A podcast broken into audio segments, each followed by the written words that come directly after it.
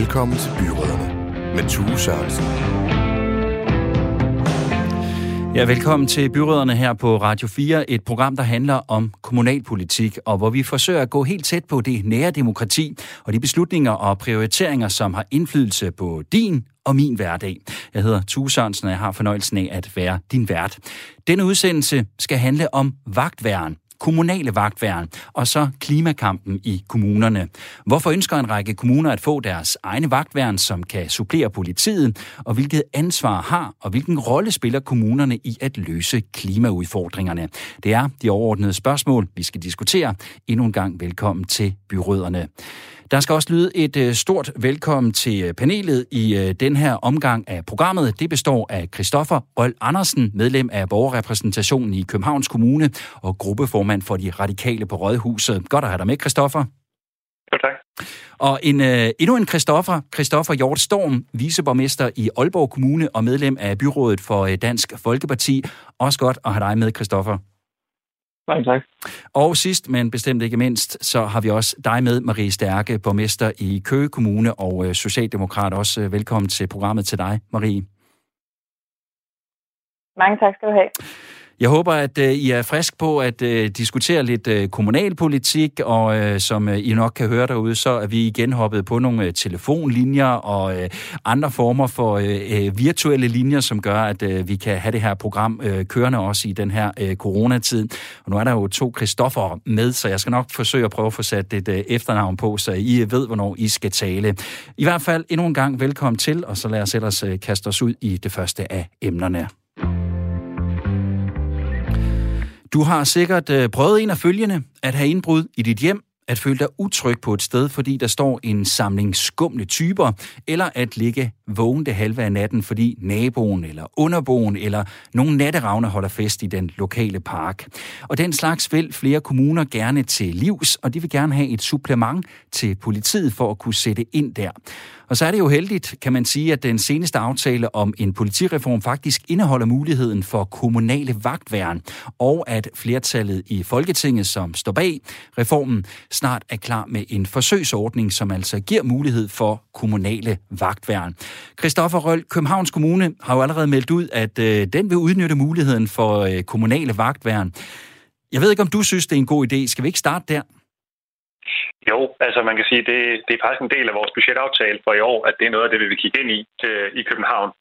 Øh, og det er en budgetaftale, som Radikale Venstre også er en del af. Øh, når det så er sagt, så er det ikke et forslag, øh, som vi har bragt med til bordet, eller som er født i vores baghave. Og hvorfor er det ikke det? Jamen, altså, det, det, altså for mig handler det i høj grad om, hvad er det egentlig for en by, vi gerne vil skabe, og hvad er det for et bybillede, vi gerne vil have. Er det et øh, bybillede, hvor vi har noget, et, et såkaldt ordenskorps, som det faktisk hedder i budgetaftalen, som løber rundt og stikker bøder ud, når, når vores borgere laver det mindste pip? Eller er der ikke nogen andre veje og nogle andre håndtag, vi kan dreje på for at, at imødekomme nogle af de her problemer her, som jo er reelle nok, som for eksempel støj i, i nattelivet? Marie, øh, jeg ved, at øh, I Køge Kommune tidligere har diskuteret, om øh, ikke det kunne være et, et behov, I har, altså at få lidt hjælp til måske at holde styr på nogle små opgaver, som politiet måske ikke har ressourcer eller tid til. Er det stadigvæk det? Jamen, det er stadig relevant. Altså, det handler jo lige så meget om folk, der cykler i gågaden, eller øh, smider, ikke kan, kan finde skraldespanden og smider sit skrald ved siden af. Altså, der, er jo mange ting, hvor man ligesom kan sige, okay, det er faktisk meget rart, at der er nogen, der holder øje.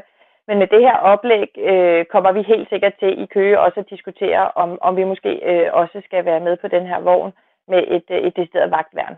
Og Christoffer, i øh, Aalborg Kommune, hvad, øh, hvad siger du i til, at øh, der måske bliver mulighed for at have de her kommunale vagtværn? Er det noget, som I vil benytte jer af?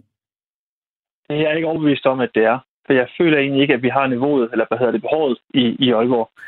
Øh, dermed ikke sagt, at jeg vil afvise det kategorisk, fordi jeg synes egentlig, at der er nogle gode tanker i det helt grundlæggende synes jeg, at det er politiets opgave at sikre orden. Men der er, som øh, Marie også inde på, nogle, nogle små opgaver, som man egentlig godt kunne, kunne flytte over i et kommunalt vagtværn, hvor de kan hjælpe til. For eksempel at sikre, at folk de overholder øh, øh hvad hedder det, øh, beføjelserne i, i gågader, eller sikre, at folk kan, kan færdes trygt, og i hvert fald føle sig trygt, når de færdes i, øh, i bylivet. Men jeg er ikke overbevist om, at øh, der vil være flertal i Aalborg Byrådet for at få sådan en vagtværn. Hvad mener du, altså dig, der sidder og lytter med, kan kommunale vagtværn være med til at gøre dig mere tryg i den kommune, hvor du bor, hvis øh, du mener det, eller mener det modsatte, så send os øh, endelig en sms på 1424. Det er 1424. Husk at starte din besked med R4. Lav så et mellemrum, hvorefter du skriver beskeden. Politiforbundet, der organiserer landets polititjenestemænd og betjente, de er øh, heller ikke ligefrem begejstret for, at øh, der kommer, eller der er kommunale vagtværn på vej. Jeg har talt med formand for forbundet, Heino Kegel, og spurgt, hvorfor de ikke synes, det er en øh, god idé i Politiforbundet. Prøv lige at lytte med her. Politiforbundet har den øh, klare holdning, at politiarbejde det laves altså bedst af politifolk. Øh, vi lever i en retsstat, og, og derfor er det politifolk, der skal lave politiarbejdet, og ikke nogen private. Marie, vil du egentlig ikke hellere have mere politi, og så lade politiet løse øh, de her opgaver, der måtte være med at holde lidt, øh, lidt øh, tryghed og skabe tryghed nogle forskellige steder, hvor der måske kan være nogle problemer, altså sådan som vi altid har gjort? Jo, det vil jeg øh, meget hellere, og, og vi skal også passe på, at det her ikke er en glidebane, ligesom på sundhedsområdet, hvor kommunerne lige pludselig øh, sidder tilbage med nogle opgaver, som egentlig ikke var tiltænkt os, eller en kernekommunal opgave.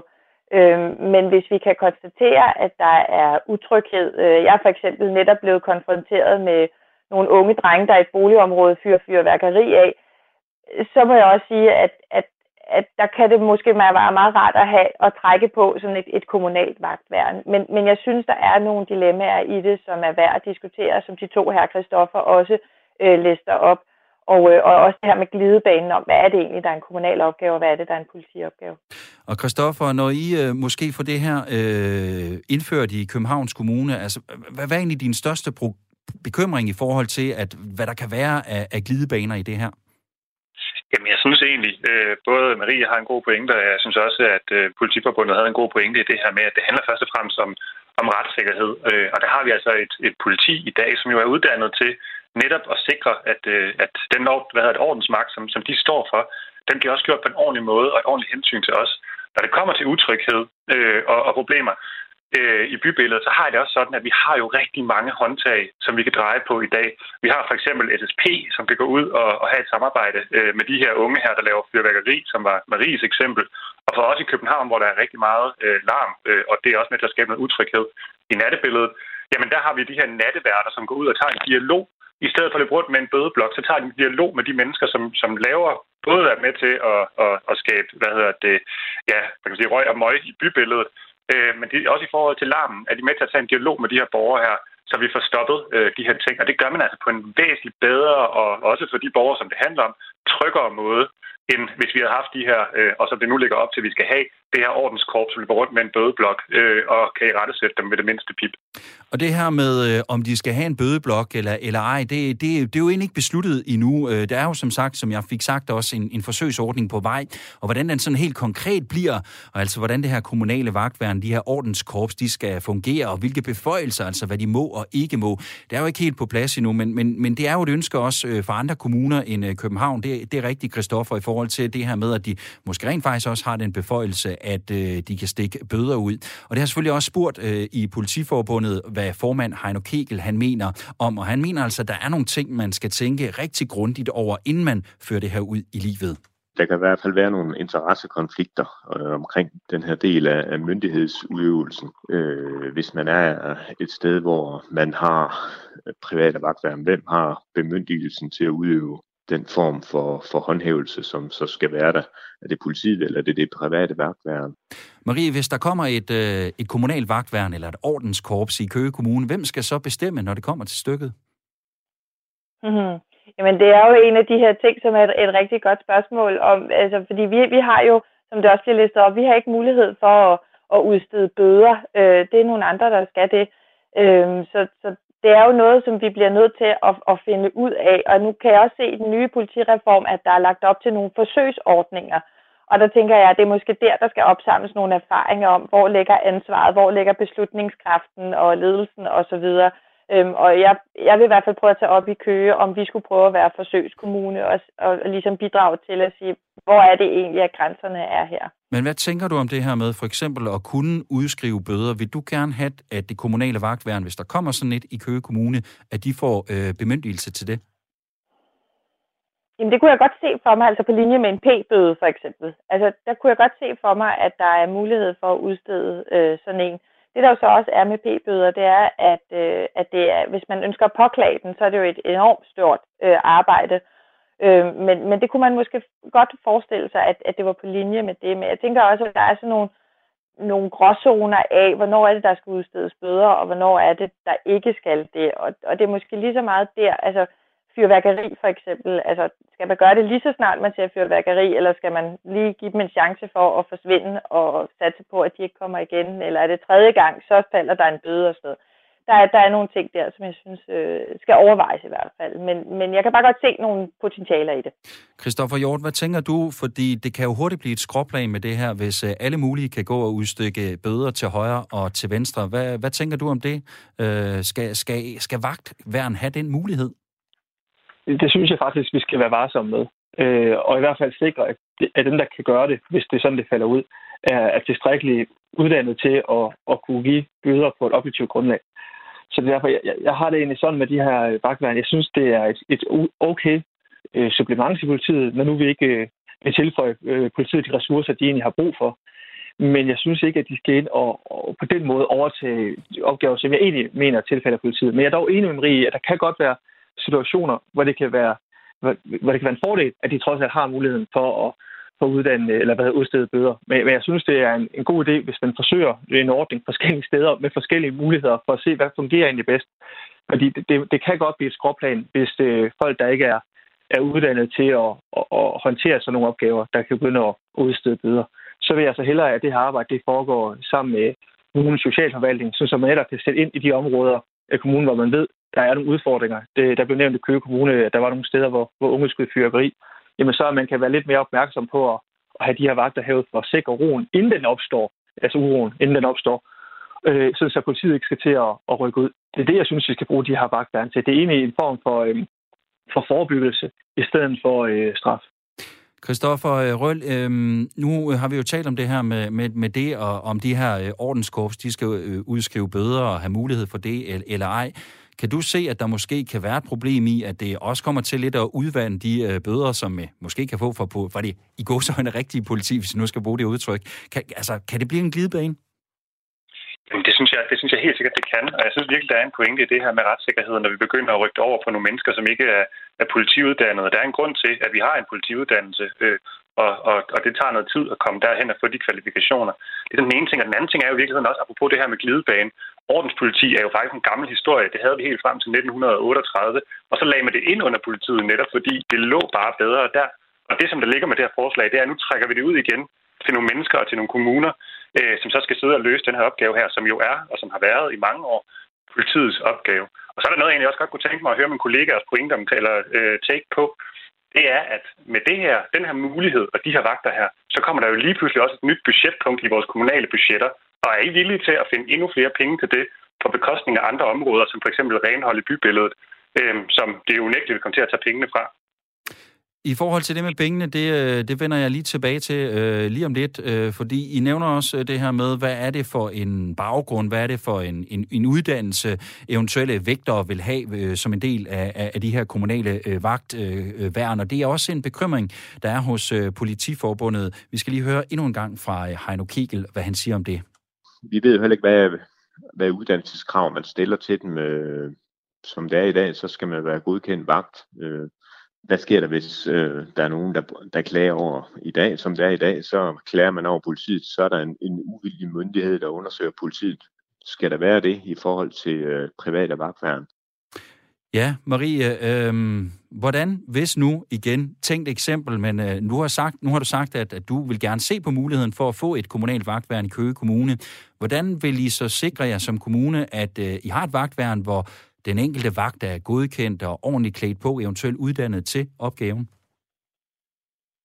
Jamen, det er, jo, øh, det er jo endnu et godt spørgsmål, og en af de her ting, hvor jeg også synes, at øh, mine to øh, byrådskollegaer har nogle virkelig gode pointer, fordi det kan ikke nytte noget, at man bare er uddannet vagt, men for eksempel ikke kan løse konflikter, eller øh, man måske selv, øh, som nogen jo har, og man skal have lov til at have et ny, en ny chance i livet, men nogen har måske et generalieblad, hvor det er, at man er, er tidligere kriminel, eller er, har været i nogle sammenhænge, hvor det er, at det ikke er super smart, at man så går ind i sådan en kommunal vagtværn.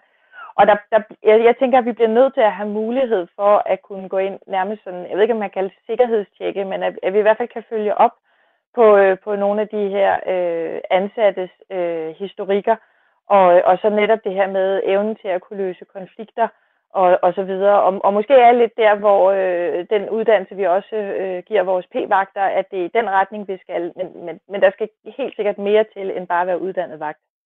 Et andet øh, spørgsmål, som øh, Politiforbundet jo altså også øh, stiller, det kan jeg måske smide i retning af, af dig, Christoffer Røll, i, i forhold til det her med, hvad sker der i det øjeblik, hvor, hvor et ordenskorps, de, øh, de overtræder de magtbeføjelser, de har, og gør noget, som de ikke må? Hvem er det så, der går ind og, og sikrer sig, at øh, det bliver undersøgt, og i øvrigt måske også fortæller dem, det må I ikke gøre? Jamen, det er jo et virkelig godt spørgsmål, og det tror jeg også er noget af det, som man med, med den her forsøgsordning her vil prøve at afklare. Øh, men det er da noget af det, som også er en, er en reel og meget vigtig og stor bekymring ved det her, når man begynder at give den slags beføjelser. Øh, så, så jeg synes faktisk, det netop er et spørgsmål, der hænger lidt ud i luften. Øh, eller man sige, svaret på det hænger lidt ud i luften, og det, det har vi stadig til gode at, at finde ud af, hvad man vil gøre. Der er også kommet et, øh, ja faktisk en, øh, en del sms'er ind øh, angående det her øh, med øh, de kommunale vagtværn. Øh, Tommy skriver, der skal absolut ikke kommunale vagtværn til mere overvågning. Så er der Claus, der skriver, langt den bedste løsning vil være, hvis politiet havde ressourcer nok til også at dække disse opgaver. Og det med ressourcerne og politiet, Kristoffer Jord, det er jo også noget, som er det, du påpeger. Du vil jo egentlig hellere have, at der kom lidt flere ressourcer til politiet. Hvorfor kommer der egentlig ikke bare nogle flere ressourcer? Hvorfor kan I ikke som kommune råbe op og sige, på, vi har simpelthen brug for, at politiet de får nogle flere ressourcer, så de kan hjælpe os med at ordne de ting og få styr på, øh, på øh, ja, slagsmål i Omfru Anegade, hvis øh, vi nu skal tage et eksempel som det? Nu har vi heldigvis rigtig godt styr på, på slagsmål i Omfru Anegade. Åh, det er godt at høre. men, øh, men det er jo desværre ikke noget, vi, kan gøre ret meget ved kommunen, det er jo Christiansborg, der laver øh, politiforlig og, og øh, finanslov, og dermed sikrer, hvor mange penge der skal være til politiet. Vi kan selvfølgelig forsøge at påvirke vores, vores kollegaer på Christiansborg. Det er jeg sikker på, at der er mange andre end mig, der også gør, og, og gerne vil arbejde i den retning, så politiet kan få de rigtige ressourcer, de nødvendige ressourcer. Men det er der jo bare ikke et, øh, et politisk flertal på Christiansborg, der er villige til. Og du tror ikke, at man faktisk fra kommunal side måske kan sende et signal om, at, øh, at man skulle overveje nogle flere ressourcer til politiet, hvis øh, I alle sammen står og banker på døren og siger, vi vil gerne være en del af den her forsøgsordning, vi har brug for et kommunalt vagtværn? Jeg er da sikker på, at hvis øh, samlet KL øh, lagde pres på regeringen, så ville det da kunne, øh, kunne flytte noget. Men igen, det kræver jo også, at der er en velvilje til det i, i flertallet af, af kommunerne, så vi kan gøre noget sammen. Øh, det er jeg heller ikke overbevist om, at, at det kan lade sig gøre og, og sammen som et flertal. Øh, fordi alt andet lige så afspejler flertallet på Christiansborg jo også øh, ofte, og det ser ud ude i, i rigtig mange kommuner, i hvert fald i, øh, i befolkningen. Så derfor så, øh, så er jeg ikke så fortrøstningsfuld øh, på, det, på det område. Altså, efter min mening har politiet mange ressourcer i mange år, uden at, at de har fået tilført det, de har, har egentlig har behov for. Så det er jeg ikke helt fortrøstningsfuld for, men jeg vil da håbe, at det, at det kan lade sig gøre. Vi skal lige høre en sidste gang fra øh, Politiforbundet og øh, dets formand Heino Kegel. Og så er der også, hvad skal man sige, det helt sociale i det. Altså, det vil give noget ulighed i samfundet. Øh, så er der rige kommuner, der kan ansætte private vagtværn. Så er der nogle fattige kommuner ved siden af, og så skubber man bare rundt med, med problemerne. Det er ikke solidarisk. Det vil skabe ulighed og er ikke solidarisk. Det må gøre ondt i det socialdemokratiske hjerte at høre, Marie. ja, så nogle ord gør altid ondt, men det er jo øh, også sådan, så der er forskellige serviceniveauer i de forskellige kommuner, men der er også forskellige udfordringer i de forskellige kommuner, og nu er vi jo sådan lige på grænsen til København i Køge, men min nabokommune Stævns har på ingen måde samme udfordringer med bandekonflikter og skyderier og øh, øh, fyrværkeri i boligområderne, som vi har. Og på den måde, så er det jo meget fint, når vi som kommune kan tilpasse vores budgetter til de udfordringer, vi nu engang også står med. Det er jo øh, også det smukke ved det kommunale selvstyre, det er jo netop, at vi er så forskellige. Men jeg vil også sige omkring det, som Christoffer fra Aalborg siger, om det her med ressourcer og kampen for flere ressourcer. Altså, jeg synes, der er nogle rigtige toner i det nye politiforlig med en højere grad af decentralisering. Men noget af det, som jeg vurderer er et problem, i hvert fald netop når jeg kommer fra et sted som Køge, det er, at når der er voldsomme problemer inde i København, så flytter politiet jo de kræfter, vi har i Køge, og ressourcer, vi har i Køge, de bliver flyttet ind til København for at hjælpe københavnerne, apropos solidaritet. Og det kan jeg jo sagtens forstå, men det går jo så bare ud over Køge. Og det er måske lige så meget der, vi også skal kigge på, hvordan ressourcerne fordeles, og hvordan styringen af ressourcerne er, fordi at der kan vi i hvert fald godt mærke i perioder, hvis der er meget store rocker- og bandekonflikter i København, så har vi næsten ikke noget politi i Køge. Christoffer øh, Røl, nu siger Marie det her med, at øh, de har nogle øh, problemer, som et kommunalt vagtværn måske kunne løse i Køge Kommune. I nabokommunen Stavn starter ikke rigtig nogen problemer. Men vi hører også Politiforbundets formand sige, at det her med at, at få kommunale vagtværn i nogle kommuner, og måske ikke have dem i nogle andre, hvor budgetterne måske heller ikke er til det, jamen så kan det gøre, at der måske bliver skubbet et problem fra en kommune til en anden. Er det en reel bekymring for det, øh, som du ser det? Man kan i hvert fald sige, at det bliver mindre smidigt, øh, hvis det bliver hver kommune, der skal sidde og betale og ordne øh, deres eget ordenskorps, øh, og at de går lige til kommunegrænsen. Det har vi desværre, det ser vi desværre også øh, ret ofte, og det må jeg sige, særligt her i København. Så, øh, så går mange af tingene lige ved kommunegrænsen, og så, øh, og så kommer de ligesom ikke rigtig med videre.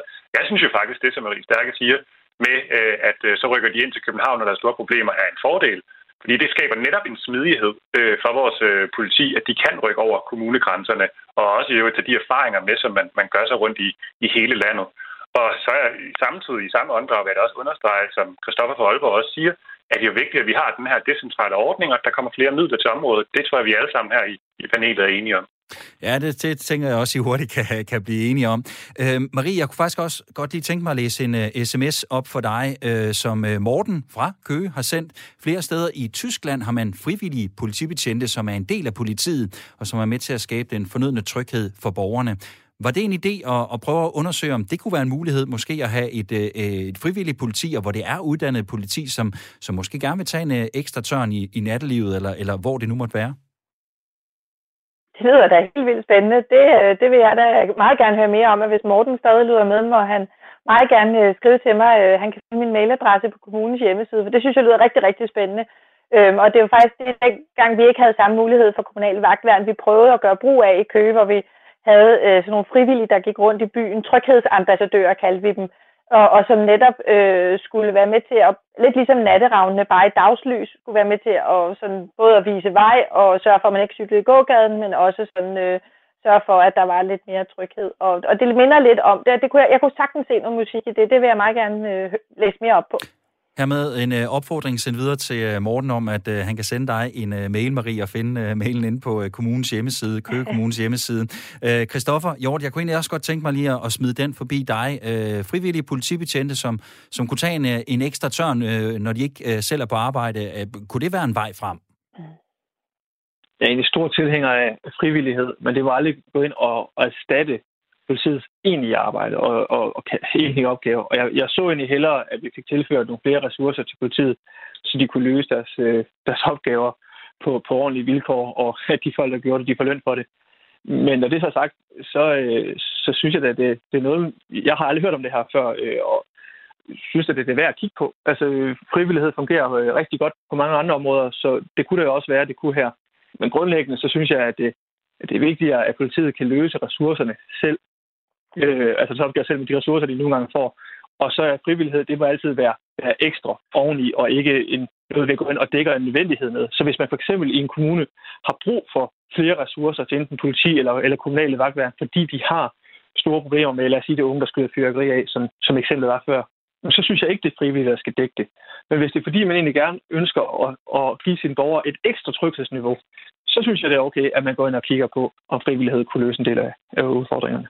Okay, og det blev øh, det sidste ord i øh, den her snak omkring kommunale vagtværn. Jeg kan lige øh, slutte af med at sige, at justitsminister Nick Hækkerup, han øh, har meldt ud, at han har indkaldt øh, partierne bag den her politireforms aftale til en snak om, hvordan den her forsøgsordning med, øh, med, med de her kommunale vagtværn, den skal se ud. Og øh, han siger, at der efter planen, ja, så kommer der en udmelding omkring, hvordan den øh, forsøgsordning, den kunne øh, være og se ud i, øh, ja, i virkeligheden inden sommerferien.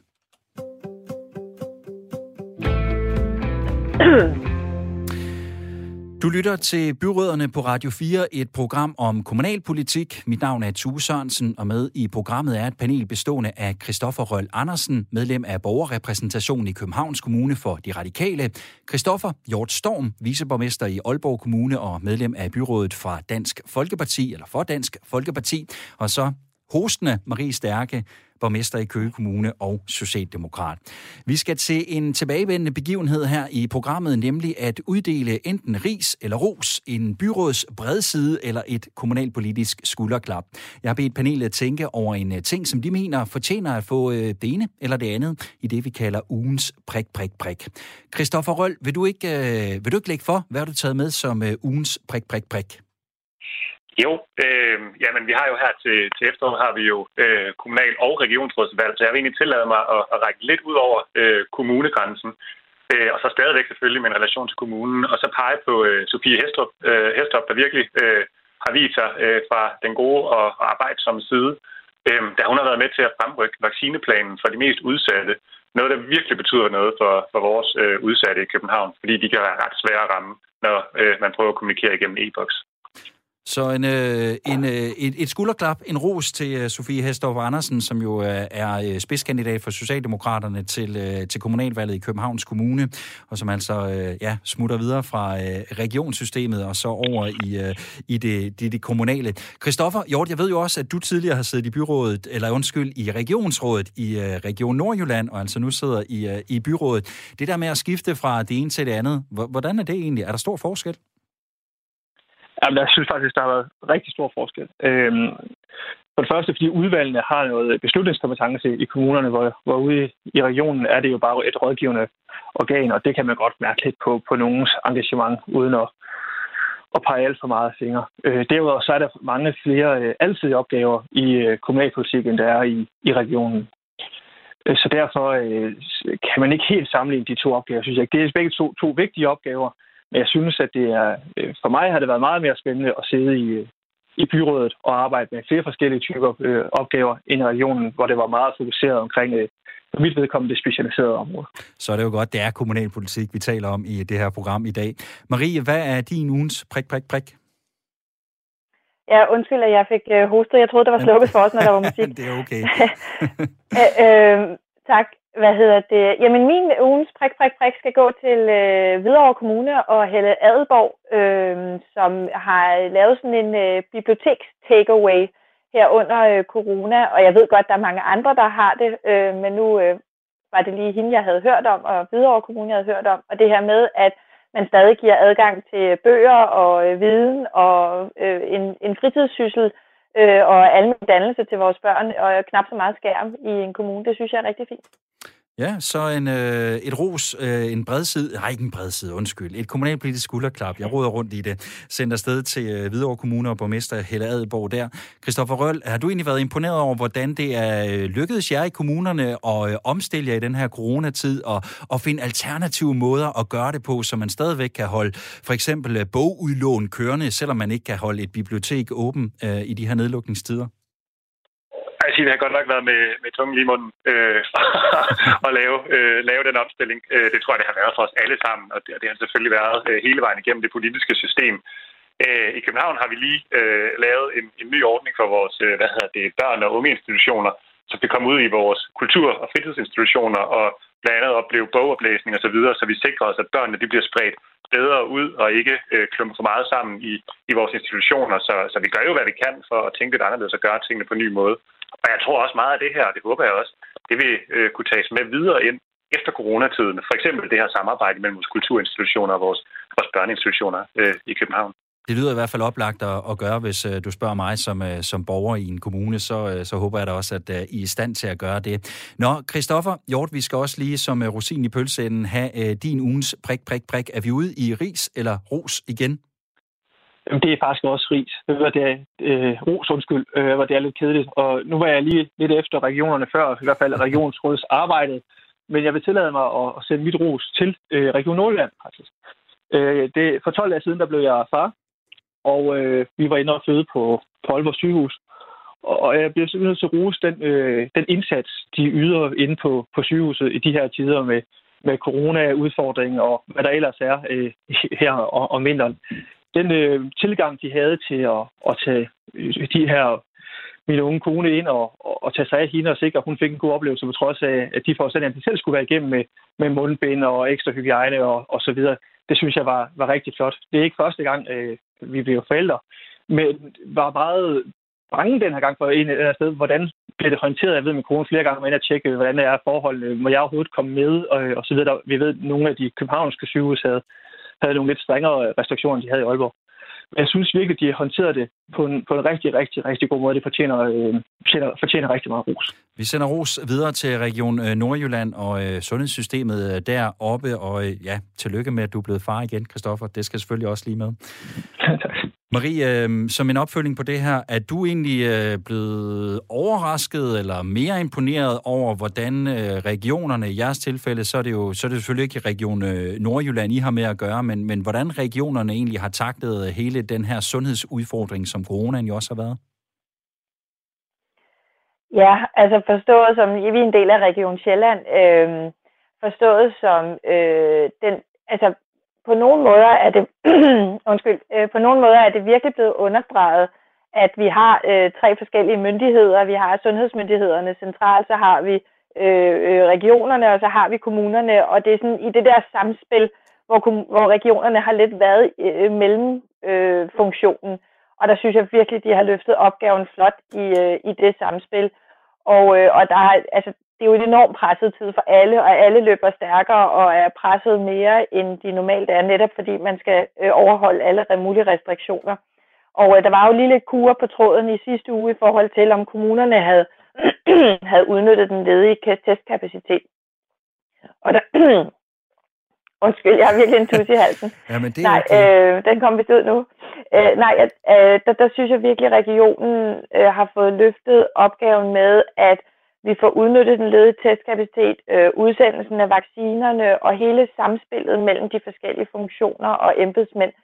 Øh, det er kæmpe ros øh, til det, fordi det er en sindssygt svær opgave. Der er mange øh, tråde, der skal samles op.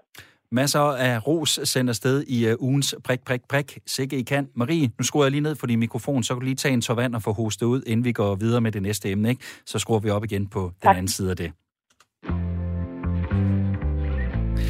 I 2020, der stjal øh, corona jo ja, rampelyset og dagsordenen fra øh, klimaet, men skulle man være i tvivl om, hvorvidt det stadig er aktuelt at snakke om klimaforandringer, ja, så kan man kigge tilbage også på 2020 og se, at det var det varmeste år målt nogensinde ifølge verdensorganisationen FN. Så klima skal og er altså stadig på dagsordenen. På det globale plan, der har den nye amerikanske præsident øh, Joe Biden jo meldt USA tilbage ind i den store Paris-klimaaftale, aftale. På det lokale plan herhjemme, ja, så melder flere og flere kommuner sig også ind i klimakampen. For eksempel så tilmeldte 46 kommuner sig i løbet af efteråret 2020 øh, klimaprojektet DK 2020, så det nu omfatter i alt 66 kommuner herhjemme. Men hvilket ansvar har kommunerne, når vi taler klimaudfordringer? Hvilken rolle kan en kommune spille? Og kan de være, eller er de måske lige frem first movers på klimadagsordenen? Det skal vi diskutere nu. Og Marie, nu håber jeg, at øh, du har fået øh, skyllet halsen og er klar på at tale lidt mere, for jeg vil gerne starte hos dig og i Køge Kommune, hvor I jo har forpligtet jer til, ved at tilmelde jer det her DK 2020-projekt, at være CO2-neutrale i 2050. Hvorfor det? Fordi det er det eneste rigtige, og fordi det, øh, det bliver vi nødt til at arbejde hen imod. Øh, vi bliver nødt til at få CO2-forbruget ned, hvis det er, at vi også skal have et, øh, et ordentligt klima til vores børn og børnebørn. Så det er det eneste rigtige at gøre, det er sund fornuft. Og Christoffer, i Aalborg Kommune, der er I også med i det her projekt. Hvorfor er I det? Ja, vi har i mange år gået forrest i, i klimakampen i, i Aalborg Kommune, og derfor er det selvfølgelig også naturligt for os at være med her. Til gengæld, øh, Christoffer Røl, så er Københavns Kommune jo ikke en øh, del af det her øh, DK 2020-projekt, og de 66 kommuner, som er med. Hvad, vil I ikke være med til at løse klimaudfordringerne, eller hvad?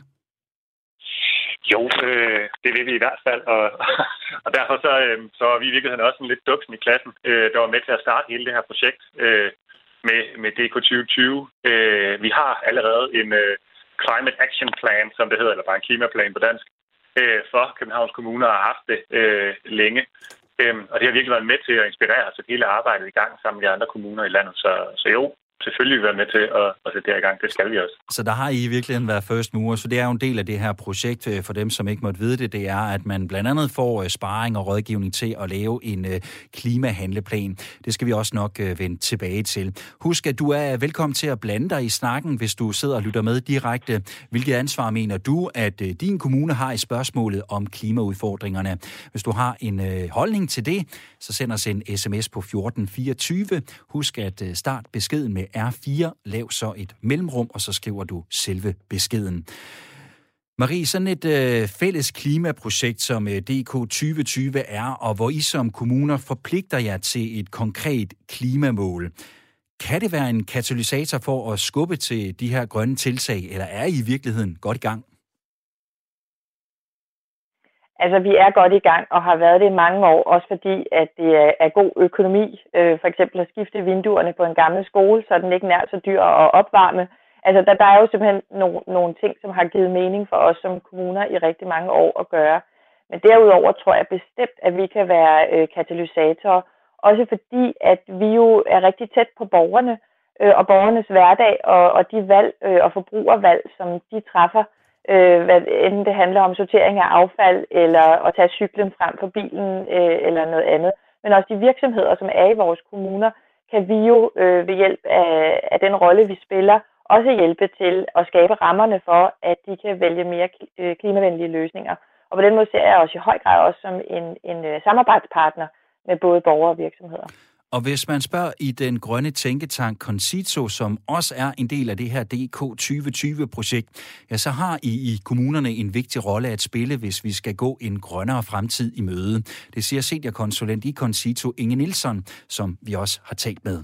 Det er jo i kommunerne, at man er tæt på borgerne, man er tæt på virksomhederne. Man kan sige, at kommunerne de er facilitatorer eller fødselshjælpere for, for mange af de ting, som øh, vi vil også nationalt.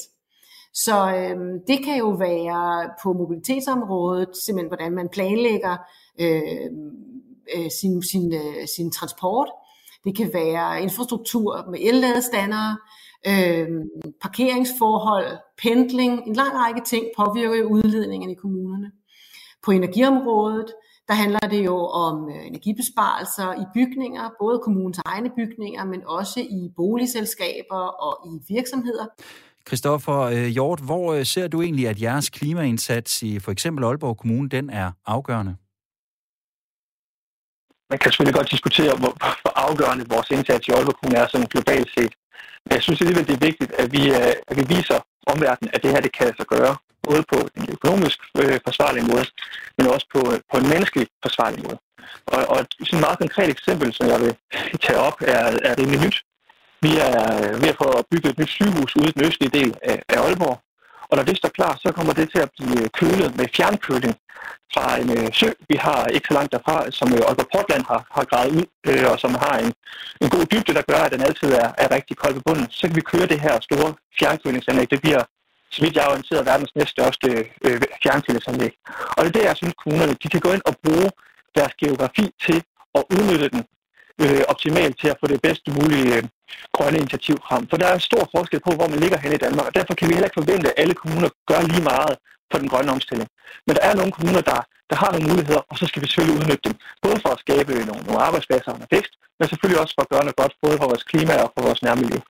Og så skal jeg øh, beklage, hvis øh, der er en lille smule knas på linjen, når du kan høre det. Det er ikke noget, jeg kan gøre noget ved her inden for studiet, men øh, vi prøver bare at fortsætte ufortrødent og ignorere det. Men øh, hvis øh, du kan høre noget, så øh, er vi altså også opmærksom på herinde i studiet, at det er der.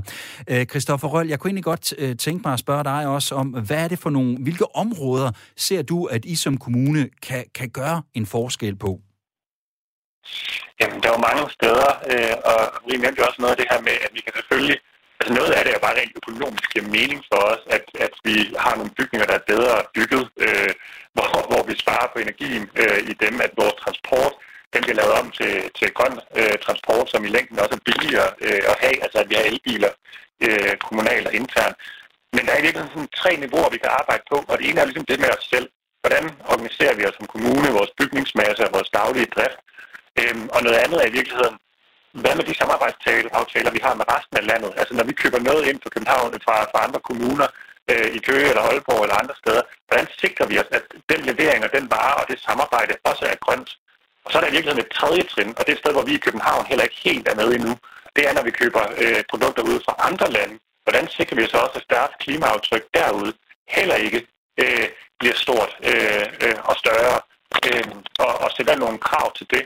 Det er i virkeligheden et niveau, hvor vi skal begynde at være lidt bedre og kigge lidt mere ud.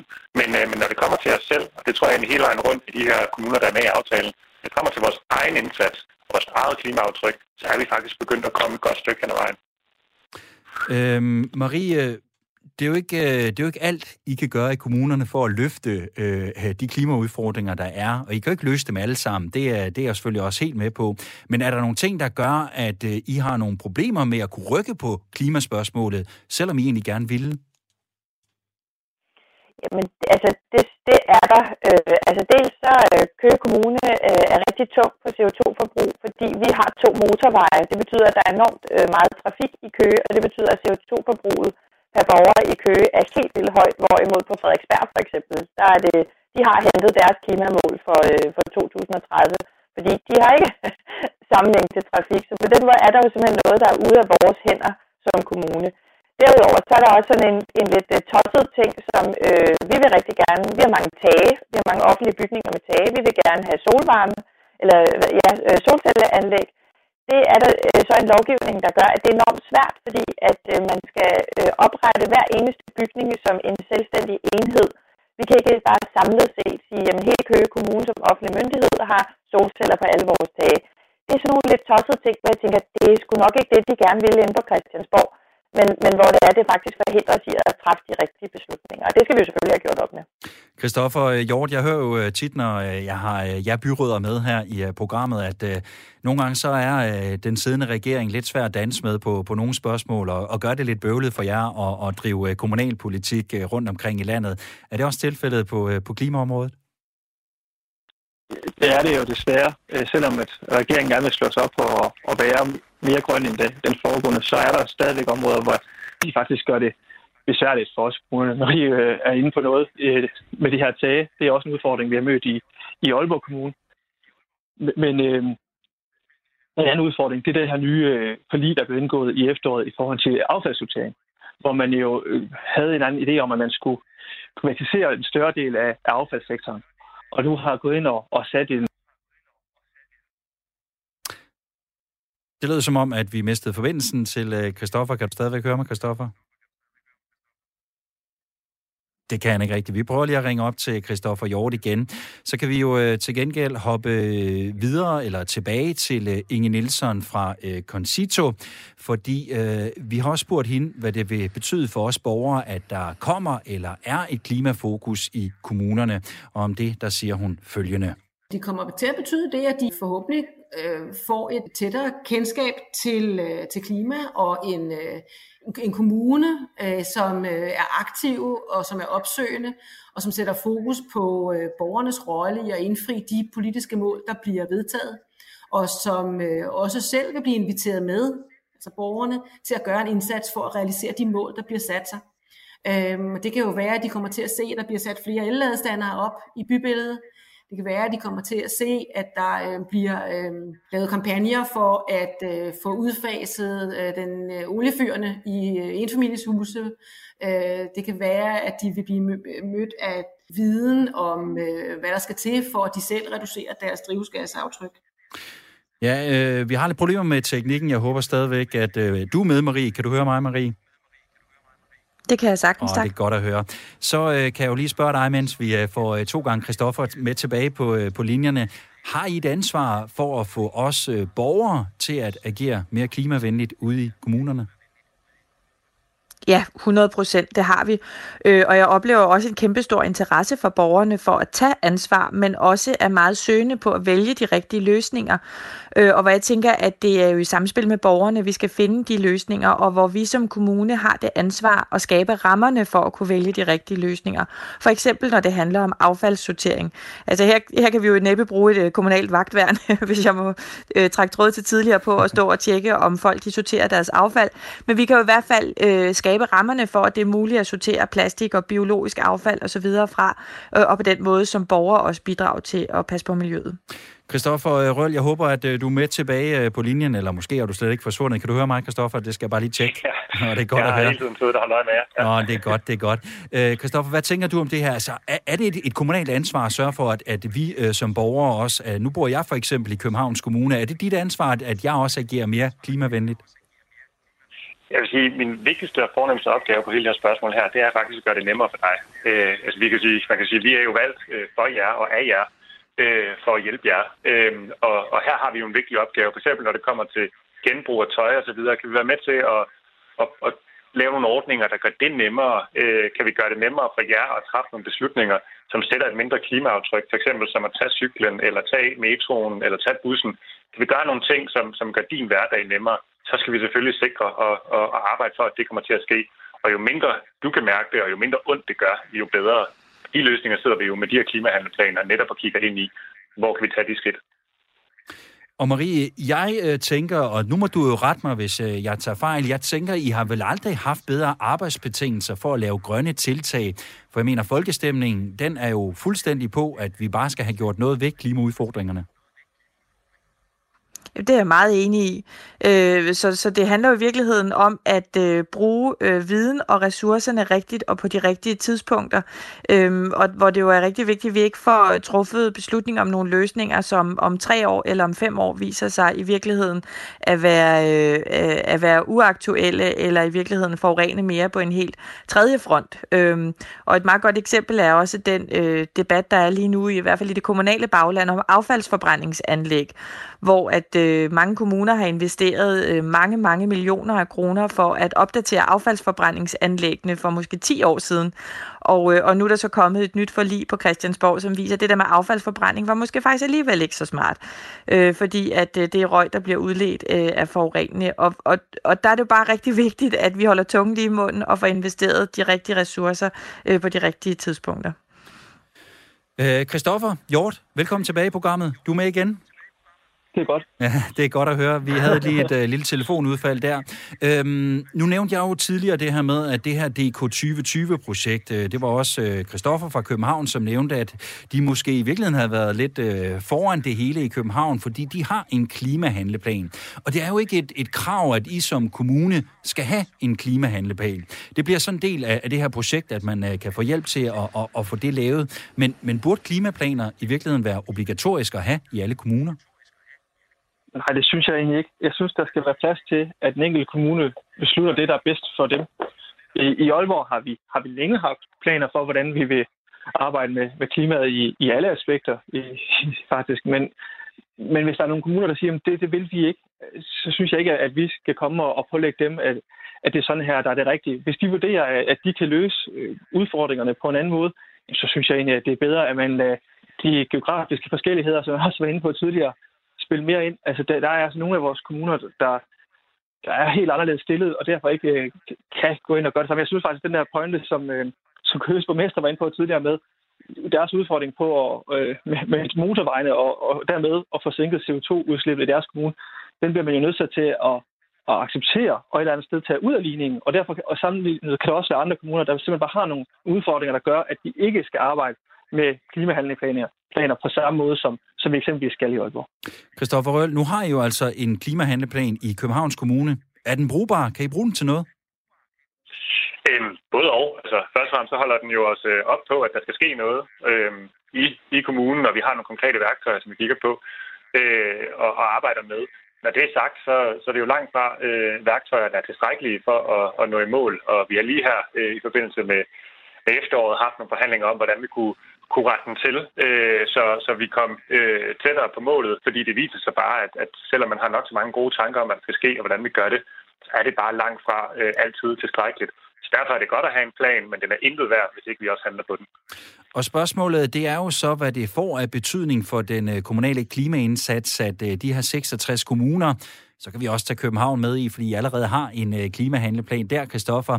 Måske kommer der også flere med, hvem ved, at de altså forpligter sig til at handle på den her klimaudfordring. Og det har vi også spurgt Inge Nielsen fra Concito om et bud på. I pilotprojektet, hvor der var 20 med, der er 10 af kommunerne, som er færdige nu, og de, de øh, sidste 10, de vil lægge sidste hånd på deres planer, og så går de jo i gang med at implementere øh, planerne, så det er for tidligt til at, at konkludere øh, præcist, øh, hvilke effekter der kommer. Det vil vi jo følge med stor interesse i de kommende år, øh, fordi det er jo det, der er det vigtige, det er klimaeffekten af de her planer. Men, øh, men der er ingen tvivl om, at øh, implementeres planerne og de mål, som, er, som der bliver truffet politiske beslutninger om, så vil det have en, en effekt også, som hjælper på at realisere de nationale klimamål i Danmark. Marie, hvornår øh, begynder vi sådan for alvor at se et stort ryg i effekterne af jeres øh, klimaindsats i Køge Kommune? Jamen, det synes jeg er et godt spørgsmål, for jeg tror ikke, at man sådan siger, øh, på onsdag, så, øh, så er vi ved at være der. Altså, oh, det, nu, det, er nu. jo et langt sejt træk. Nu, det må være nok. jeg, vil ønske, det kunne, jeg vil ønske, det kunne være sådan. Det er jo et langt sejt træk, og, øh, og hvor det er, vi, vi ved, ved de skridt, vi tager, øh, mindsker CO2-forbruget øh, løbende. Men, men der er jo nogle afgørende ting. Altså for eksempel det her med, med affaldssortering, hvor vi kom på det for to år siden snart. Altså det er jo et kæmpe skridt. Øh, det er også noget som fjernvarme, hvor at øh, jo flere husstande vi får på fjernvarme, desto bedre er det. Det er nogle af de rigtig store skridt. Og den sidste del, det handler om vindmølleenergi, og hvor jeg jo er, er rigtig glad for, at man på Christiansborg har, har lavet det her forlig omkring flere vindmøller ude i havet, og hvor vi som kommune også rigtig gerne vil have lov til at spille med på den, og også øh, investere i vindmøller. Det er de tre ting, Øh, øh, at, nej, transport er selvfølgelig også en rigtig vigtig ting, men hvor den er lidt mere ude af vores hænder. Men, men det er de ting, der for alvor rykker, og det sker inden for en forholdsvis kort periode. Altså der snart taler vi måske 5 til otte år. Og når I er i mål med øh, det her med CO2-neutralitet inden 2050? Ja, selvfølgelig gør vi det, det har vi jo sagt. Jamen, det er godt at høre. Christoffer, øh, hvad med jer i øh, Aalborg Kommune? Øhm, kan I allerede nu se nogle effekter, eller lade de sådan store rygt vente lidt på sig endnu? Jamen, øh, man kan jo stille effekter op på to måder. Den ene, det er den klimamæssige effekt. Og der vil sige, nej, selvfølgelig kan vi ikke det. Fordi selv hvis øh, alle kommuner i Danmark øh, nåede deres mål nu, så vil det jo ikke have nogen effekt, effekt på det globale klima. Det er landet simpelthen for lille til. Men vi kan se en effekt på, på folks adfærdsmønster har ændret sig, og også på, at vi faktisk har været formået at skabe vækst og, og arbejdspladser gennem vores klimamål. Så på den måde har det jo haft en rigtig positiv effekt, og det synes jeg, vi skal holde fast i. For jeg er sikker på, at skal vi have hele verden med, så skal vi vise dem, at det her det kan faktisk godt foregå på en fornuftig måde. Og det synes jeg egentlig, vi har gjort indtil videre i Aalborg. Og når I også målet om CO2-neutralitet i 2050 i Aalborg? Det må vi da håbe.